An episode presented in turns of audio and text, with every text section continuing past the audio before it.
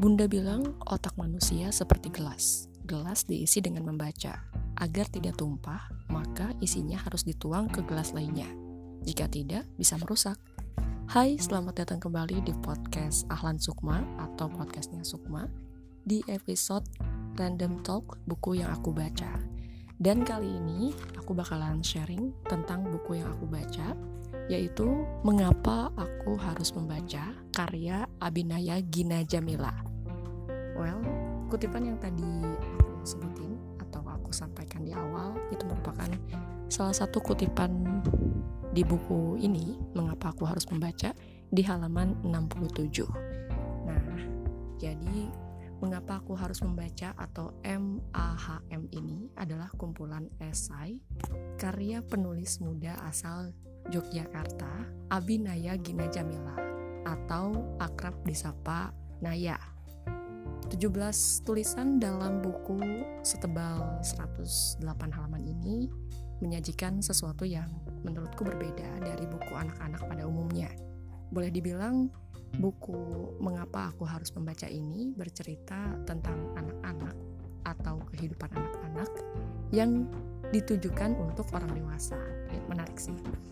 Jadi di usia belia, Naya ini sudah mampu mengkritisi soal karya penulis-penulis luar negeri seperti George Orwell, Steinbeck, Roald Dahl, Umberto Eco, dan lain-lain. Belum lagi si Naya ini juga ada sambatannya ya di dalam tulisannya ini. Naya sambat soal susahnya menjadi anak-anak, kemudian ya bagian ini sungguh menunjukkan daya nalar seorang anak dalam merespon keadaan ataupun perintah dari orang dewasa. Nah, di samping kritik karya sastra dan celotehan Naya seputar dunia anak dan membaca, mengapa aku harus membaca juga memberikan sedikit sentuhan perspektif ihwal gender dan juga patriarki. Hmm, untuk anak seusia Naya ya, yang ya ketika menulis buku ini mungkin baru 9 atau 10 tahun ya. Ya hal-hal terhadap gender dan patriarki itu pemahaman yang wow cukup uh, menarik gitu. Untuk anak seusia Naya pemahaman terhadap dua hal tersebut menjadi salah satu hal yang menarik uh, untuk ditelusuri atau di apa ya disimak dalam tulisan di bukunya ini. Aku sering kesal dengan buku pelajaranku. Nah ini salah satu kutipan di halaman 46 dari Naya.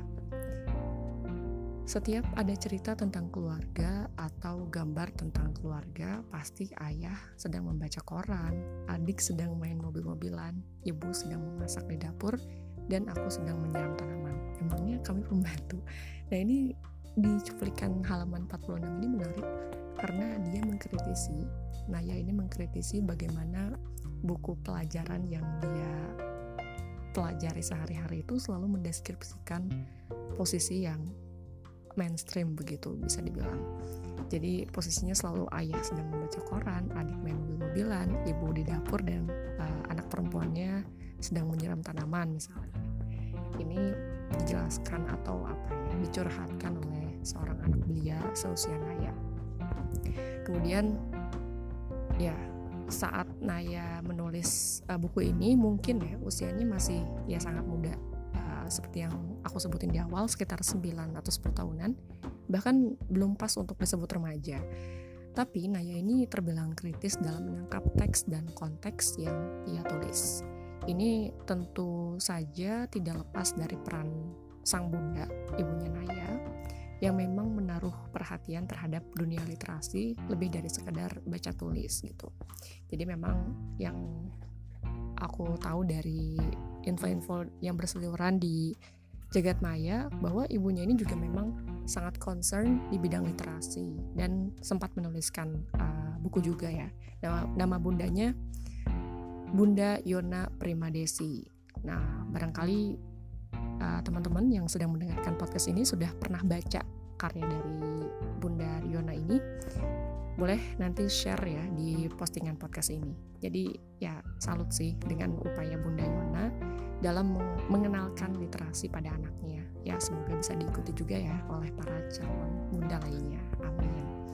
Nah, di buku esai ringan ini hmm, renyah, intinya renyah untuk dibaca dan bisa dimulai dari halaman berapa saja karena gak ada aturan khusus yang mengharuskan membaca, pembaca membaca mengapa aku harus membaca ini secara runut. Siapa pun boleh baca dari halaman berapapun ya. Buku ini layak baca oleh siapa saja dari rentang usia anak-anak sampai dewasa. Well, uh, apa ya?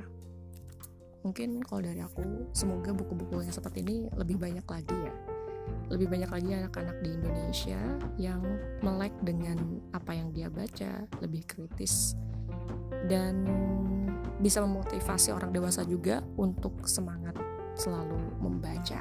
Salam takjub buat Naya. Sekian random talk buku yang aku baca kali ini dan sampai jumpa lagi di episode selanjutnya. Bye.